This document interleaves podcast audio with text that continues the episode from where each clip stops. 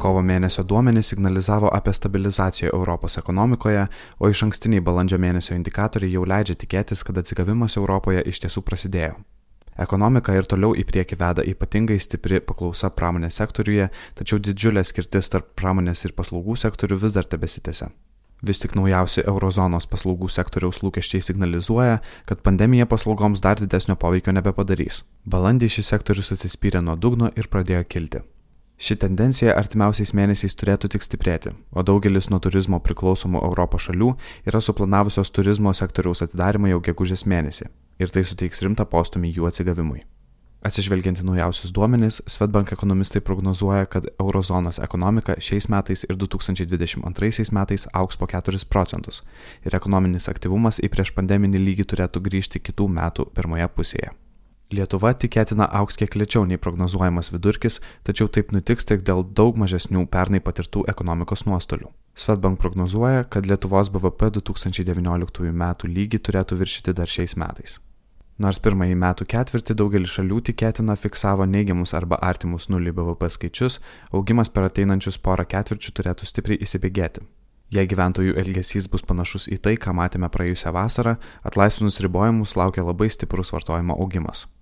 Europos vyriausybės pakankamai sėkmingai suvaldė žalą darbo rinkai ir darbo vietų praradimai buvo gerokai mažesni nei buvo prognozuota prieš metus. Kartu su papildomomis per pandemijos metu sukauptomis santaupomis tai turėtų suteikti apčiopiamą impulsą ekonomikos atsigavimui. Žinoma, pagrindinė sąlyga tvariam atsigavimui išlieka pandemijos suvaldymas. Bet koks ekonominis augimas, kurį mums pavyktų pasiekti per artimiausius porą ketvirčių, nebus tvarus, jei rudenį vėl tektų skelbti karantiną. Gera žinia ta, kad panašu pagaliau įvyko proveržis Europos vakcinacijos kampanijoje. Padidėjus vakcinų siuntoms, vakcinavimo tempai daugelie šalių padvigubėjo ir paskėpytos populacijos dalis ES artėja prie 25 procentų. Remiantis dabartinėmis tendencijomis, panašu, kad per vasarą pavyks apsaugoti didžiąją dalį Europos gyventojų ir tai turėtų sukurti sąlygas tvariam atsigavimui. Balandis buvo intensyvus mėno žaliosios politikos klausimais. Europos parlamentui ir vadovų tarybai pavyko pasiekti preliminarų sutarimą dėl Europos klimato susitarimo. ES įsipareigojo sumažinti grinasią šiltnamio dujų emisijas net 55 procentais, lyginant su 1990 lygiu.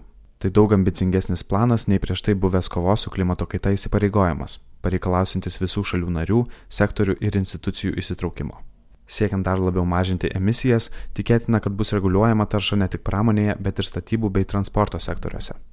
Reaguojant į šias naujienas, taršos leidimų kaina Europoje šovė į viršų iki 45 eurų už CO2 toną ir taršos kaina Europoje per ketverius metus pabrango ko ne devynis kartus. Europa taip artėja prie sutarimo dėl žaliųjų investicijų klasifikacijos. Kylant nemažai ginčių, ką galima laikyti žaliaisiais projektais, dažnai kyla rizika, kad verslai ar valstybės rudus projektus bando pateikti kaip klimatą saugančius. Todėl būtina turėti aiškę ir skaidrę klasifikaciją, kokie projektai ir technologijos yra netaršus, norint tikslingai nukreipti finansavimą. Dažniausiai ginčiai kyla dėl biokūro, dujų bei brandolinės energetikos klasifikavimo. Daugelis klimato kaitos aktyvistų labai nepalankiai žiūri į šias technologijas ir priešinasi jų pripažinimui žaliomis. Tačiau nemažai daliai ES šalių energija gaminama iš šių šaltinių yra svarbus pereinamojo laikotarpio energetikos elementas, be kurio sunkiai pavyktų užtikrinti stabilų elektros tinklo veikimą. Tikėtina, kad šios technologijos nuguls į atskirą pereinamojo laikotarpio energijos šaltinių sąrašą. Tuo tarpu šalių narių vyriausybės rengia ir visuomeniai pristato investicijų planus, kaip panaudoti Europos gaivinimo ir atsparumo fondo lėšas. Lėšos didžiaja dalimi turi būti skirtos investicijoms į tvaresnę ir konkurencingesnę ekonomiką ir efektyvus lėšų panaudojimas tikėtina taps iššūkiu daugeliu valstybių. Didžiausias testas laukia Italijos ir jos premjero Mario Draghi. Gilesnės Europos fiskalinės integracijos kritikai baiminasi, kad pietų šalis išvaistys lėšas, todėl Italija yra stebima per padidinamąjį stiklą. Mario Draghi pristatė ambicingus investicijų ir reformų planus, tačiau jų įgyvendinimas gali būti sudėtingas. Inertiškas Italijos viešasis sektorius, nestabili politinė padėtis bei lėta Italijos teisinė sistema jau nekartą sugriovė puoslėtus reformų planus.